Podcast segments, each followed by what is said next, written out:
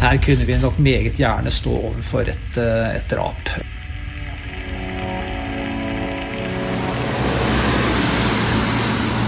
Nå ser jeg huset hans. I dag er gardinene trukket fra i første etasje. Hallo? Hei. Tusen takk. Peter. Jeg gleder meg til å møte deg. Lukta av rulletobakk ligger som en tåke over stua i den kommunale leiligheten i Lørenskog. Terje Larsen siger ned i skinnstolen. Uføretrygd, pulverkaffe og rulletobakk.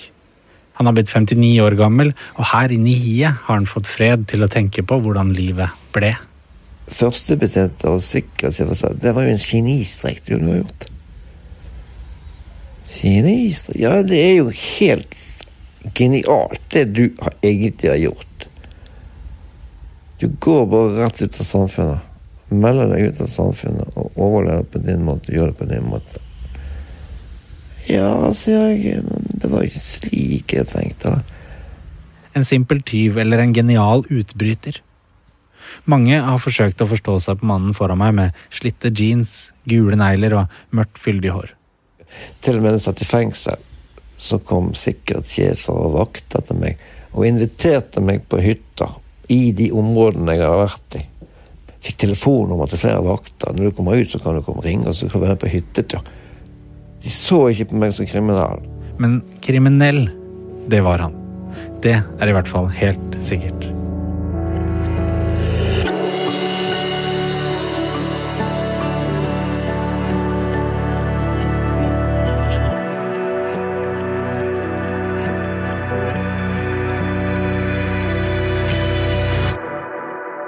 Fra skinnstolen i en kommunal leilighet et halvt år før han skal dø, røper vandreren hemmelighetene rundt innbruddene. Triksene for å lure politiet, også dette med avføring på gulvet, da. Han har noen moralske regler han ikke vil bryte. Vi har kalt dem De ti bud. Ti regler for en ensom serieforbryter i fjellet. Ensom? Ja, men ikke alltid. En sjelden gang ville vandreren ha med seg reisefølge. Tre personer skal fortelle deg hvordan det var å være med vandreren på hyttereid. Den første hadde et plettfritt rulleblad inntil han ble med Terje over Hardangervidda. Hva vi gjorde Ja. eh, på fjæra? ja. Ja, vi gjorde ikke noe galt. Den andre har vi ikke snakket med. For ham gikk det usedvanlig galt. På en hytte ved Røros ble han kvalt av røyk før flammene slukte hytta og den brant ned til grunnen. Den tredje har holdt på en stor hemmelighet i 35 år. Nå sitter hun og lurer på om hun skal bryte tausheten. Det er faktisk ingen som vet at jeg har vært gift med Terje, og at han er faren til mine barn. Ingen. Jeg heter Martin Holvik. Og jeg heter Peter Daatland. Du lytter til episode to Forbryteren. Vandreren er sponset av Verisure, Norges ledende leverandør av boligalarm. Verisure jobber hver dag for at folk skal slippe ubehaget et innbrudd medfører. Hos oss blir boligen din passet på døgnet rundt. Vår boligalarm er en investering i hjemmet, men kanskje mest av alt en investering som gir deg færre bekymringer i hverdagen. Ønsker du pris på alarm skreddersydd for ditt behov? Besøk verisure.no.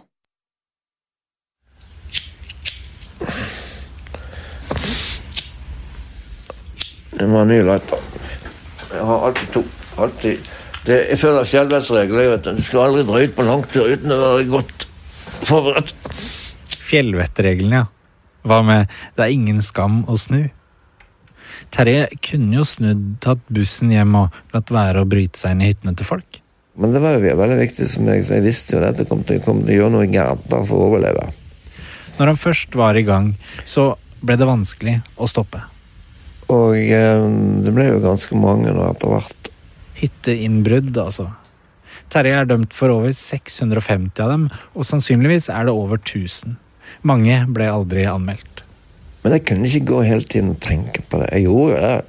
Jeg hadde jo Det vaklet jo mellom eh, Mellom den dypeste fortvilelse.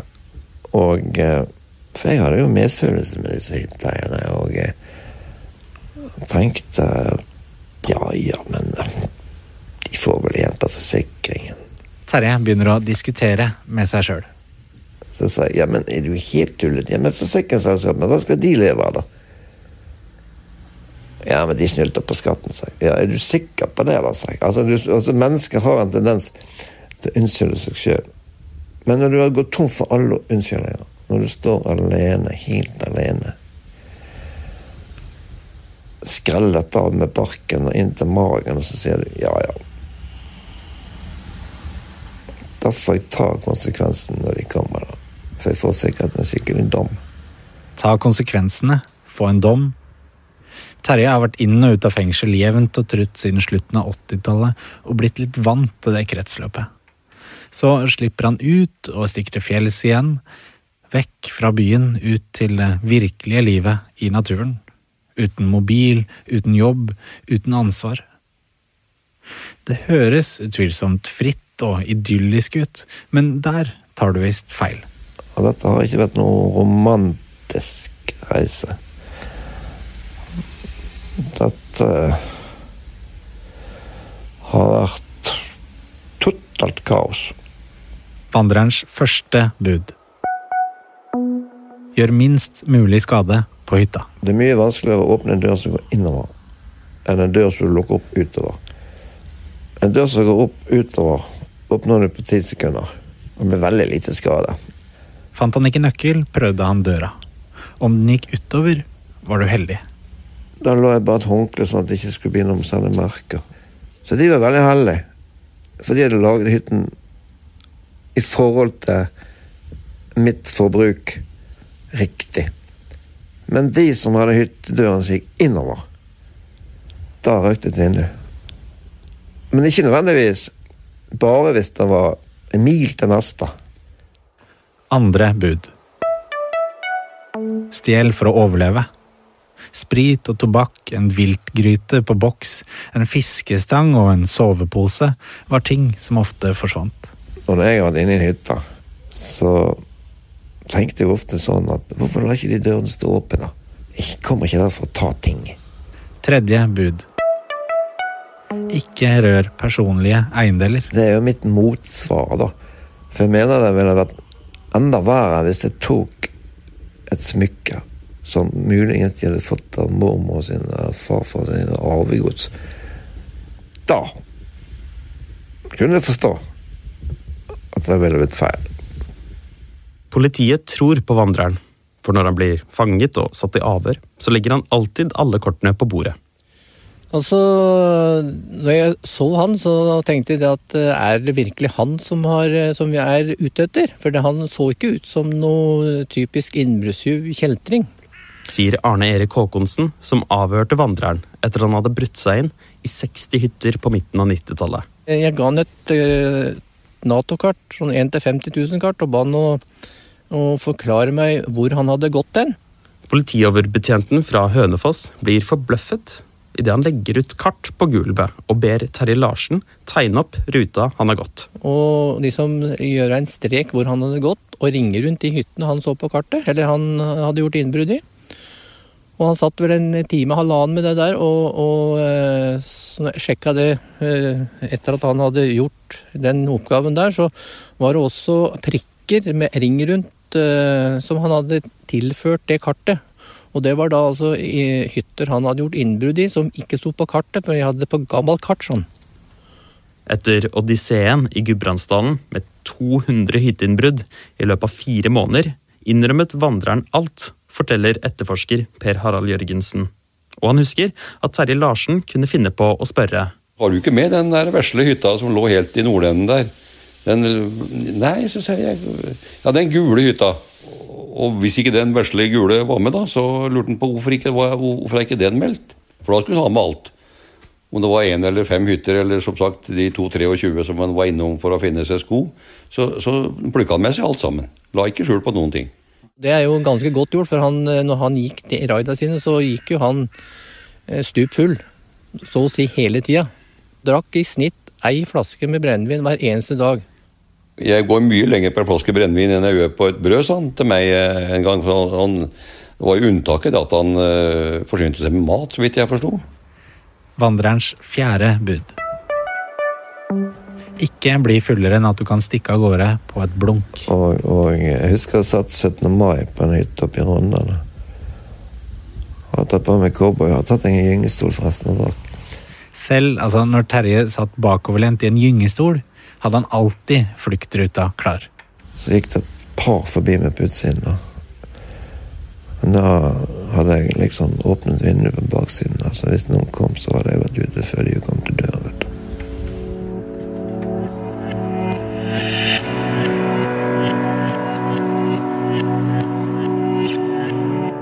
Vi skal tilbake til Bergen 1990 og møte en av vandrerens reisekamerater. Sommeren 1990 vanker Terje Larsen i miljøet rundt Korskirken i Bergen. Han har verken jobb eller bolig. I de trange gatene treffer han på fetteren sin, Ronny Dale. Han er 13 år eldre og dårlig til bens. Ronny har derfor operert inn en skrue i den ene hoften for å gå bedre, en såkalt gammanagel. Begge lever et ganske hardt liv. De vil bort fra byen og miljøet. Terje har litt penger, og han kjøper to billetter til toget til Røros. Terje og fetteren Ronny legger ut på en fottur i Femundsmarka. På grensen til Sverige, et klassisk hytteraid. Fra en hytte i Femundsmarka forsvinner en fiskestang med snelle, en kikkert og en sportskniv. Og på en annen hytte forsvinner to gummistøvler og en kaffekjele. De drikker og bryter seg inn i til sammen ti hytter. Men på den tiende hytta går noe fryktelig galt. Lensmannen i Tolga får en augustmorgen 1990 beskjed om at en hytte er brent ned til grunnen. Bare pipa står igjen. Terje dukker noen uker senere opp i Bergen men det gjør ikke fetteren Ronny. Etter noe tid blir han meldt savnet i politiet. Ingen vet hvor han er. Terje sier ingenting, så hva skjedde på den hytta som brant? Femte bud. Apropos brann, ikke tenn lys. Lys. Tente ikke lys, vet du. Bare av og til sånn jeg måtte lese en bok om natten. Men da var den skjult innimellom busker og steiner foran stearinlys. Sånn det var umulig å se. Det var innebygget. Sånn at jeg så vidt kunne lese. Sant? Jeg måtte være på vakt for alt. Om han hadde gått raskt og var på trygg avstand, så kunne han unne seg noen sider i den filosofiske romanen Sofies verden. Og der lå jeg så fint under et furutre der og leste Sofies verden og følte meg som verdens lykkeligste gutt. Sjette bud. Kryss aldri broer, kryss elver og aldri gå på stier.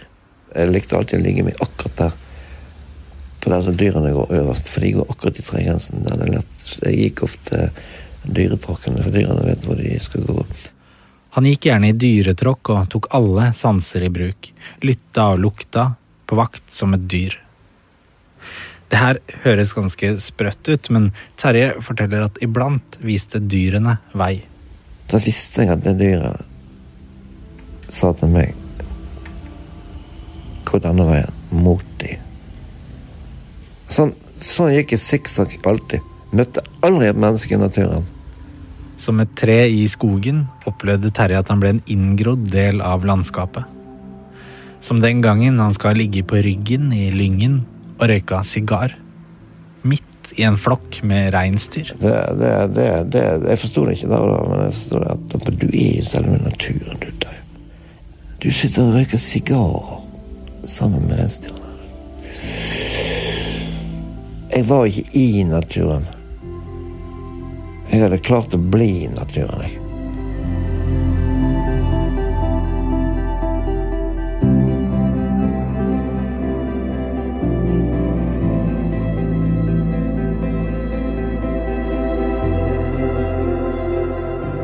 Etter en fuktig vinter i Bergen legger Terje seg inn på Blå Kors. Her møter han nok en reisekamerat, Reidar. I dag bor Reidar ute på Askøy, en liten kjøretur fra Bergen.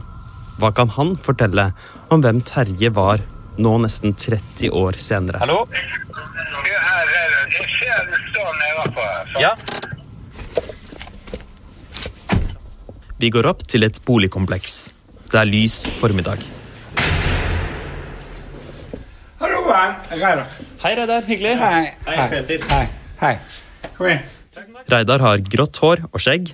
Han setter seg i sofaen i leiligheten og forsøker å tenne en rullings.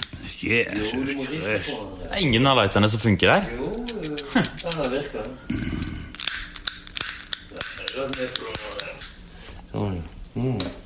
Frokost har han og kompisen ikke spist. Og ja, på stuebordet så står det noen ølbokser og glassflasker med korken av. Altså, røverhistorier, det er ikke dere ute etter. Jo, kanskje litt. Litt, ja. Ok, ok. Han sier nemlig han har noen. Mange. Mange. Nei, men eh, i bunnen så traff jeg Terje eh, på Blå Kors. På avrusning. Og så en dag så kommer han bort til meg og så sier han eh, Hei, Reidar. Hei, Reidar. Vil du være med og gå over Hardangervidda? Reidar har ikke gått noe særlig i fjellet før, men han synes dette høres ut som en god idé for ham nå.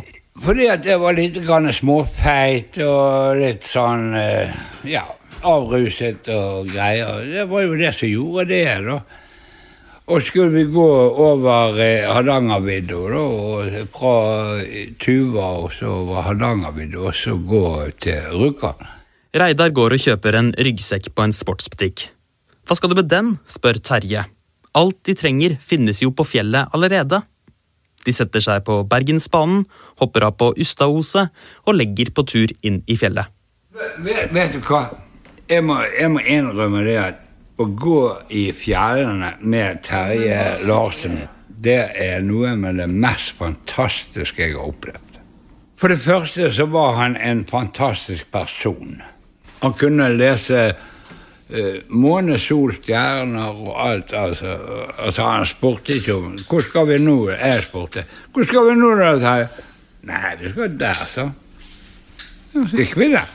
Terje leder an, og Reidar henger på så godt han kan. På en fjelltopp setter de seg ned og skuer utover landskapet.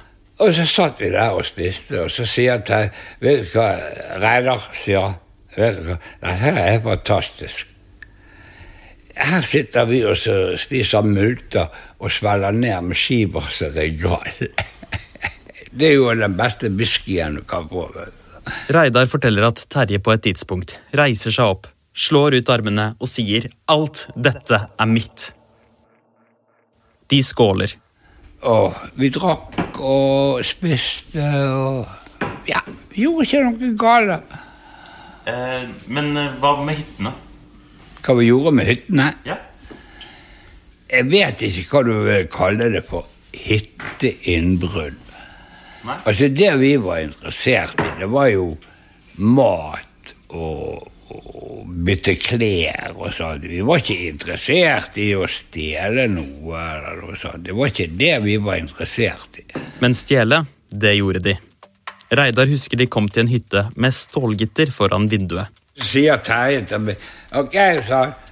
Så tok vi spenntak i eh, veggen. De tar fatt i gitteret, setter beina i veggen og drar til alt de har. Og én, to, tre, pang, sa det. Så lå vi på bakken. Og vinduet var like helt. Det er helt sant. Så når vi var ferdige, da vi var vært inne og spist og drukket og tjoa her, så satte vi vinduet fint inni. Det var jo helt tidlig, da. I Valdres bryter de seg inn i en nokså rik manns hytte. Millionær. I skapene finner de dyr, champagne og likør av beste sort. På verandaen er det stamp, og Terje og Reidar setter seg oppi med hvert sitt glass. Altså, Det var snaps opp og opp. og. Dampen står til værs, men de er jo ikke alene. Og der kom det folk ned av lien. Turgåere titter opp på rikmannshytta.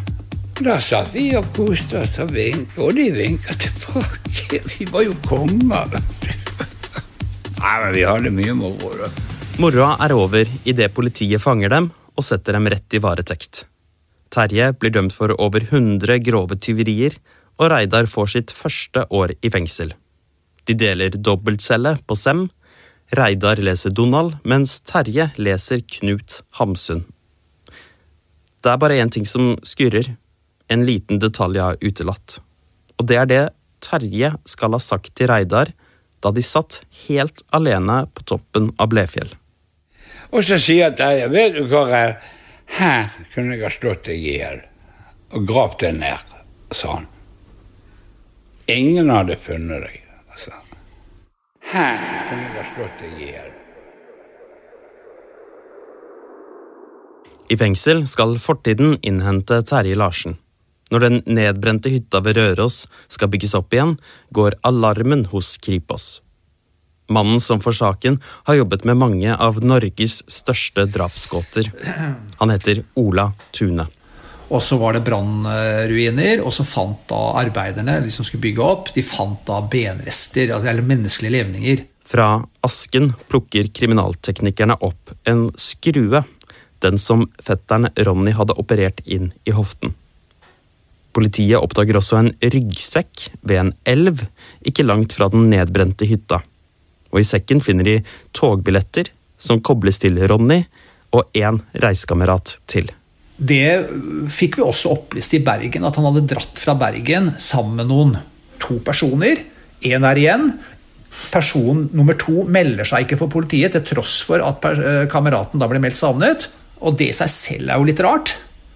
Det, det vekker jo mistanke.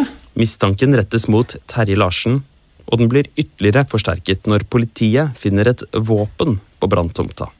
Jeg tror at vi hadde indikasjoner på at det våpenet var flyttet fra det stedet som det skulle ligge, ifølge eierne av hytta. Og et våpen som da Det flytter jo seg ikke av seg selv. Det vekket jo naturligvis detektiven i oss, og at her kunne vi nok meget gjerne stå overfor et, et drap. Samtidig demrer det for Ola Tune at dette er jo ikke første gang han har hatt med Vandreren å gjøre i sin politikarriere. Jeg begynte på Kripos i mai 1979. Og det var min første oppgave å drive etterretning den gangen. Kriminaletterretning. Altså undersøkelser på biler, personer eller bander som beveget seg på kryss og tvers av politidistriktene.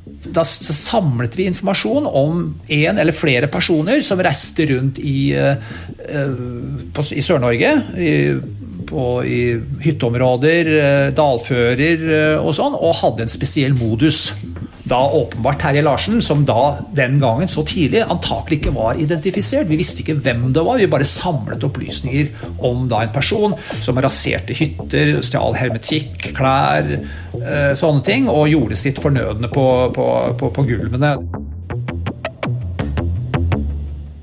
Den gang, på tampen av 70-tallet, er Terje Larsen tenåring i Bergen og skal møte en dame. Hun som har båret på hemmeligheten i 35 år. Jeg kommer litt nærmere. Ja. Går det bra? Jo, det gjør jo det. Jeg vet ikke helt um, hvor skal jeg begynne dette her. Jeg har vært litt sånn uh, både og i dag, da. Jeg bare kjente at dette hadde ikke jeg lyst til. Jeg har ikke hatt den i hodet mitt på 35 år. Ekskona til Terje kryper litt lenger inn i hjørnet på sofaen og trekker beina inn under seg. Leiligheten er lysmalt og pent møblert, familiebilder på veggen. Men ingen bilder av Terje. Hver gang noen har snakka om han, har hun lata som ingenting. Da husker jeg de diskuterte han i pauserommet vårt. Å være så frekk og gå inn i andre sine hjem og andre sine eiendeler og hytter. Sant? Altså, du prøver liksom å snu ryggen til og sitte på en kopp te eller en kopp kaffe og bare sant? Dette her handler ikke om meg. Mm. Deres fortelling starter på 70-tallet. En klassisk kjærlighetshistorie i byen mellom de sju fjell. Gud, for jeg hadde på meg en rød boblekåpe, og så hadde jeg på meg en rød cowboyhatt. og hvor det kom fra, vet jeg ikke. Jeg kan ha vunnet den der på tivoli, men det var det jeg hadde på meg. En rød cowboyhatt jeg aldri glemt. Det er rundt 17. mai, og hun har vært på tivoli inne i Bergen. De havner på samme buss ut til Fyllingsdalen. Bussen var stappfull, og Terje kom på jeg tror på samme stopp som meg. Men det var så utrolig mange mennesker. Så jeg så han, han så ikke meg. Så den kvelden tenkte jeg at ah, han var litt skjønn. Hun er 14, han er 19. Fra der hun står, kan hun studere han, uten at han oppdager henne. Noen skjønne blå øyne, Blondt hår. Sjarmerende. Ja. Stort smil. Han hopper av på samme stopp. Nei, da, Så kom han ut av bussen, han òg, og så så vi hverandre. Og så gikk vi bare og preiket oppover hjemme Og den kvelden husker jeg vi satt lenge oppe og spilte sjakk, faktisk. Til langt på natt. De spiller kort og liker samme musikk. Han hadde så mye krøller i håret, og det likte han ikke. Så han prøvde alltid på en måte å, å gre de ut. Så i perioder så prøvde han liksom å la håret vokse, i håp om at eh, det skulle krøllene falle litt vekk, men det gjorde ikke de. Så den der looken der, den husker jeg veldig godt. Den hadde pannelugg og rett ned og litt grann lengde. I håp om at eh, krøllene forsvant, men de gjorde ikke det. Terje kjøper en LP av Moody Blues. Det blir favorittplata deres. I konfirmasjonsgave gir han henne 25 rosa nelliker og et smykkesett. Du blir jo nesten villig til å bryte bryte en del regler for å få lov å være sammen med den personen mest mulig. Sant? Det var jo det vi gjorde. Vi fikk jo beskjed, Min mor var veldig streng. Klokken ti så skulle vi være i seng. Og da var jeg 14 år. Når hun sier hun skal på skolen dagen etter og må sove, spør Terje om kan hun ikke bare drøye det 20 minutter til. Og så 20 minutter til. Hun begynner å bryte regler. Vi ble kjærester om sommeren, eller i mai, da, kan du si. sant? Så i slutten av november, begynnelsen av desember samme året, da sa han det at vi, meg og han skulle ut på besøk en kamerat. Vi skulle være vekke et par dager. Det var første gangen jeg rømte hjemmefra. liksom da. Midt på vinteren setter de kursen mot barndomshytta til Terje på Mæland utafor Bergen. Når de kommer fram, går det opp for henne at de slett ikke skal møte en kompis. Det er bare de to. Terje har planlagt en slags kjærestetur. Han bryter seg inn i nabohyttene og henter forsyninger med mat og klær, og skal senere bli dømt for dette. Sine ti første hytteinnbrudd. Han har erkjent seg straffeskyldig og har samtykket i forhørsrettsdom. Hun leser den maskinskrevne dommen for første gang. I tidsrommet 5.12. til 27.12.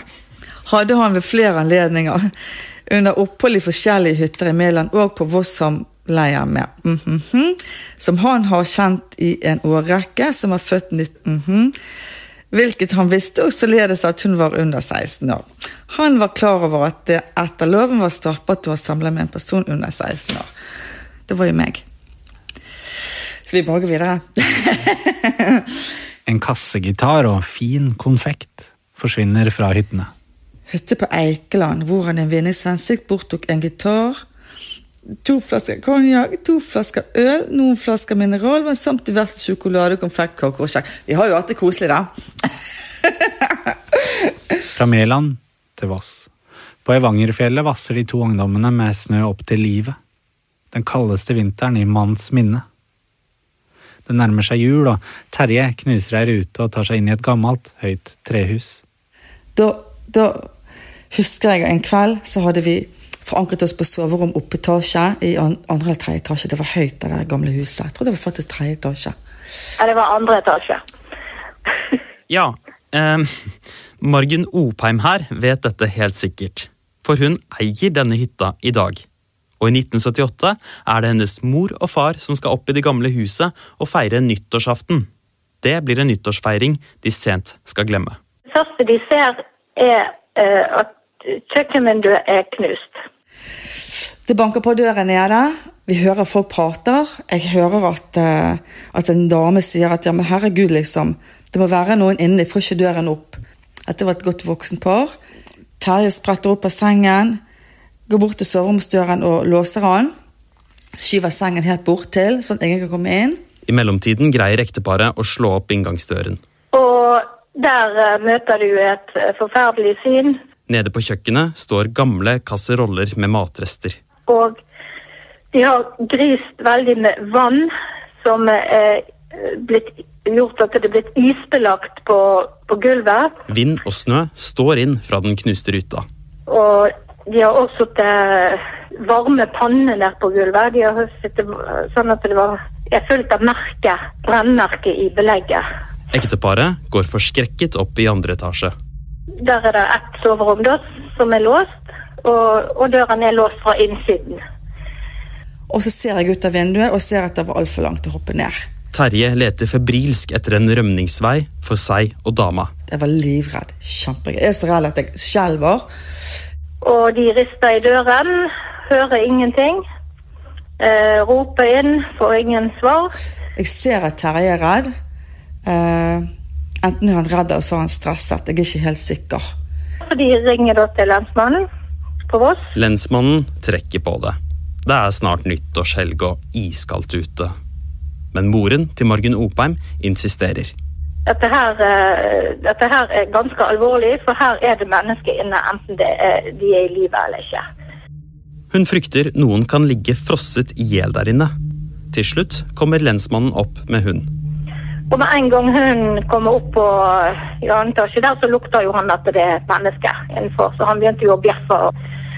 Så vi har bare én ting å gjøre. Terje låser opp døren, og der står vi. Og så prøver de å rømme ned en bratt trapp som går ned til første etasje. Men det, de kommer jo ikke så langt der. Ektemannen plukker opp en diger trestokk for å passe på at de ikke slipper unna. Så han skulle nå delge dem hvis de gikk til angrep på han. Så vi fikk ikke gå ut av soverommet, de sperret oss inne. Så jeg husker jeg tårene mine rant, og Så sier hun damen at herregud, det er jo bare barn. Hun er jo bare en jente. Hun, hun var ikke sint. Hun var på en måte igjen dette her omsorgsfulle at gud, er jo bare et barn. Jeg tenkte ja, herregud, få meg med hjem. Jeg vil hjem. Jeg vil ikke dette. Men jeg hadde ikke, hadde ikke frivillige lenger. Det var det kun Terje som hadde. Så kom lensmannen med politier og tok oss i håndjern og kjørte oss til, eh, til eh, Voss og arresten der nede. Jeg tror faktisk vi satt i et par døgn. Mm. Vandrerens sjuende bud. Ikke bli gjenkjent. Han gjorde det nemlig vanskelig for politiet å vite hvem de skulle se etter, forteller Arne Erik Håkonsen. For da bytta han jo klær, for han uh, var jo såpass uh, holdt jeg på å si, at uh, hvis det var noen som hadde sett en kar med grå jakke og svart bukse, så var jo det den dagen. Neste dagen så hadde han jo ikke det. Nei, Så han var litt lur òg, altså? Han var litt lur sånn. Men Føler du ikke at han lurte dere trill rundt da? jo, altså han, han Vi hang jo helt ja, på hælene og gjaldt han, for han helt til at det liksom gikk helt i ball for han. Åttende bud. Ikke ha metall på deg. Det durte helikopter over meg, og jeg hørte det. For du hører ikke helikopter fra, fra ene fjelltoppen før det er rett over. Under sitt største hytteraid i Gudbrandsdalen var Terje overbevist om at han hadde et varmesøkende helikopter etter seg. Akkurat når det kom over toppen, så, så stopper det å gå i ring vet du, med varmesøkende. Helikopteret var nok aldri varmesøkende. Men Per Harald Jørgensen husker at vandreren klarte å gjemme seg under en stabel med trestokker i skogen. Han gliste jo da, han hadde gjemt seg under ei tømmerlund, han hørte helikopteret og skjønte det var han de var på jakt etter. Han hørte både hørte og så helikopteret, men han da lå han under ei tømmerlund og gjemte seg. Han var ikke klar for å bli tatt, da, for å si det sånn. Selv om politiet forstår metodene hans, har han et siste triks i boka. Vi går en tur i nabolaget i Lørenskog idet Terje avslører niende bud. Bryt reglene. Gjør det stikk motsatte av det politiet forventer. Mens de leter i skogen, kan han plutselig finne på å gå langs bilveien. For da hadde jeg gjort et motsatt triks. Da gikk jeg tilbake fra det minefeltet jeg kom fra. Og ingen ville tro at jeg kom til å gå veien. For de tenkte at han er så smart at han gjemmer seg. Nei. Jeg bare gikk rett gjennom minefeltet. jeg. En gang han gikk sånn langs veien, så han plakater på lyktestolpene med etterlysning og bilde av seg sjøl. Da jeg kom forbi, så var det sånne plakater på lyktestolpene med Bislett-bilde av meg. sånn som dette her. Hva sto det på de plakatene? Ser dere denne mannen som ringer, så står det telefonnummer. Og da tenkte jeg da at jeg skulle finne en telefon et eller annet sted. For det hender mange har telefoner på hyttene og sånt det ligger der. Han får lyst til å plukke opp røret og ringe politiet, som banditter på film. Ja, du skjønner da, jeg har sett en liten kar her som ligner litt på denne gutten her. Og han gikk nok, jeg tror han gikk vestover. Og da du og de stormet vestover, så han lignet veldig på dette bildet her, du. Jeg tror vi må ta den gutten der ganske fort, for nå har han stjålet alt jeg har av vin. Åh, oh, jeg måtte jo ha litt gøy. Hva har jeg gjort da, vet du? Du tenker kanskje at det mangler noe. Det med avføring på gulvet. Det tiende bud er egentlig ikke noe bud. Vandreren forklarte Jørgensen at det skjedde fordi vandreren var redd for å bli oppdaget.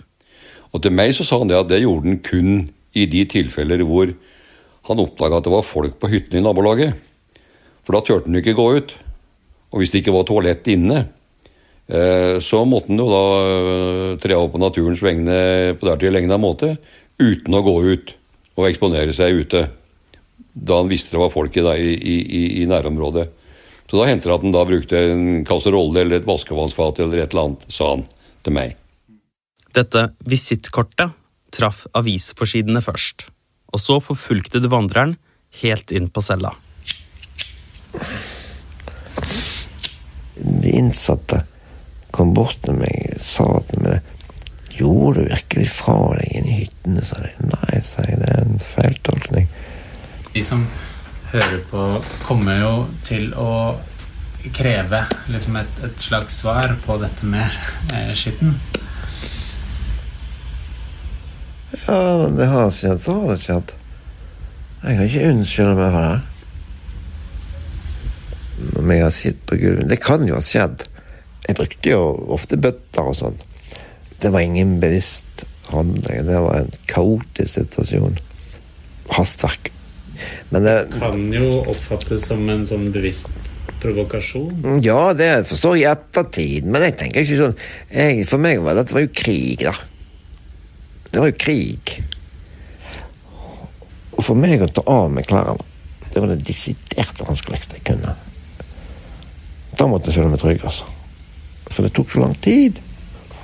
Men hvis det er blitt oppfattet sånn, så kan jeg si at jeg må unnskylde meg. Hvis det, det er det eneste jeg kan unnskylde meg for, altså. Husk at jeg jobbet som gang ute i fengselet. Uten én dag fri. Med ansvar for å vaske doene. Mange hundre toaletter. Og de skal vaskes. Det var skitten mange ganger. Terje kaller det for tilleggsstraffen. Han mener han har gjort opp for seg at han har sonet sin straff. Jeg kan ikke sitte og snakke om det der resten av livet. I de årene i fengselet, årene etterpå, fikk jeg da følelsen av at hvis folk gikk rundt og hadde et sånt inntrykk ut av meg, da Da det ville ikke omgås folk. Det gjør ingenting om de hadde visst om jeg var vandrer, hvis ikke jeg hadde måttet dra med meg det stempelet der. Da hyttebæsjinga stadig ble et tema, trakk Terje seg unna folk.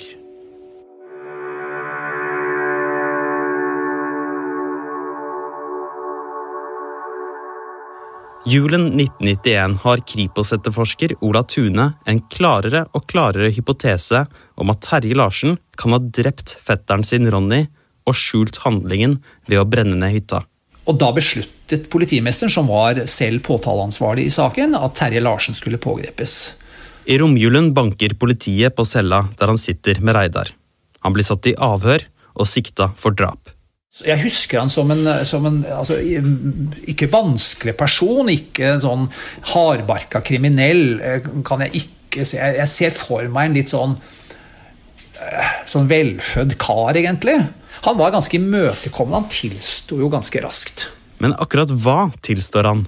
Terje har forklart meg hva som skjedde på hytta. Han har begynt å drikke rødsprit. Og det var ikke jeg motivert for den gangen.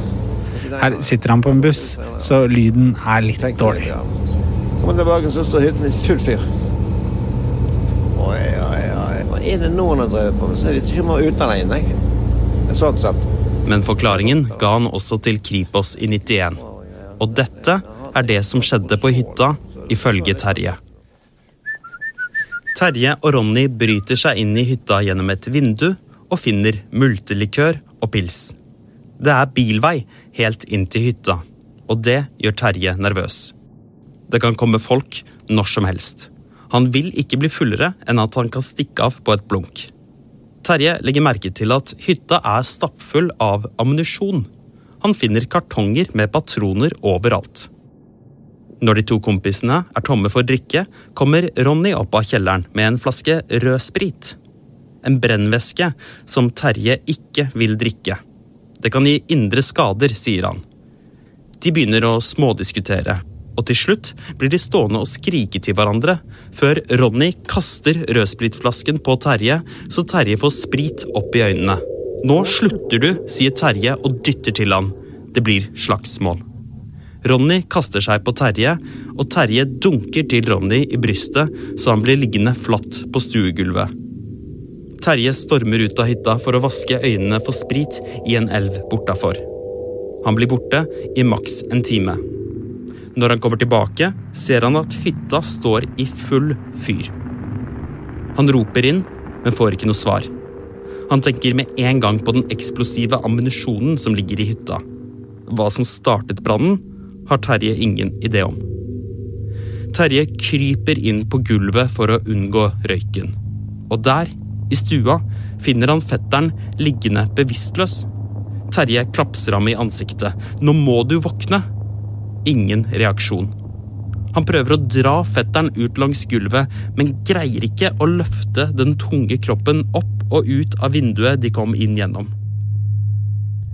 Brannen tiltar, og Terje må gi opp. Han legger på sprang. Han bare løper og løper og løper, med panikk og angst opp etter øra. To minutter etter hører han et digert brak bak seg. Jeg tror nok det at vi var skeptiske til den eh, fremstillingen. Altså For oss så fortonet nok dette som ikke var noe uvanlig. At det, det var liksom tett opp mot sannheten, men vi, vi trodde nok at dette var en restaurantversjon, eh, som vi, som vi ofte kalte det. Om dette vi har fortalt nå er en restaurantversjon eller ikke, det vet jeg ikke. Men i en rett så holder kun bevis. Du hører episode to av Vandreren, en podkast fra VG i samarbeid med Filt Oslo. Og det er ikke slutt helt ennå. Lyddesigner er Hans Kristen Hyrve, og vi har fått god hjelp fra Svein Kjølberg og Beate Korn. Har du en historie om Vandreren? Del den gjerne med hashtaggen min vandrehistorie. Jeg heter Martin Holvik. Jeg heter Peter Daatland. Martin, blir Terje dømt for mord? Det får du vite etter dette. Uansett hvor du befinner deg i påsken, så er boligalarm en god investering. Verisure er Norges ledende leverandør av boligalarm, og hos oss er du tilkoblet vår egen alarmstasjon med overvåkning døgnet rundt. Det gjør at du kan senke skuldrene og ha en trygg og bekymringsfri hverdag. Hvis du ønsker å vite mer om våre alarmsystemer, besøk verisure.no. Ja, dette må ha en eh, forklaring. Ola Tune leter etter bevis, og gjør undersøkelser for å etterprøve forklaringen til Terje Larsen. Men de klarte ikke skaffe bevismessig eh, gode nok holdepunkter for dette. Det var for stor usikkerhet. Og, og da ble da siktelsen eh, den, eh, den endte jo opp med en, en tiltale for legemsbeskadigelse med døden til følge. eh, Som en konsekvens at det var ikke bevismessige holdepunkter for at dette var et drap. Når han møter i retten, er ikke siktelsen lenger drap, men det som heter vold med døden til følge. Han blir dømt for å ha slått til fetteren, men han blir ikke dømt for drap. I retten forklarer Terje at han har slitt med skyldfølelse over at han lot fetteren ligge igjen i hytta. Det skal ha preget ham resten av livet. I neste episode av Vandreren. Barndommen var preget av dramatikk, kaos. Jeg gikk alltid med hjertet i halsen da jeg var barn. Hva var det du var på vakt for? Alt.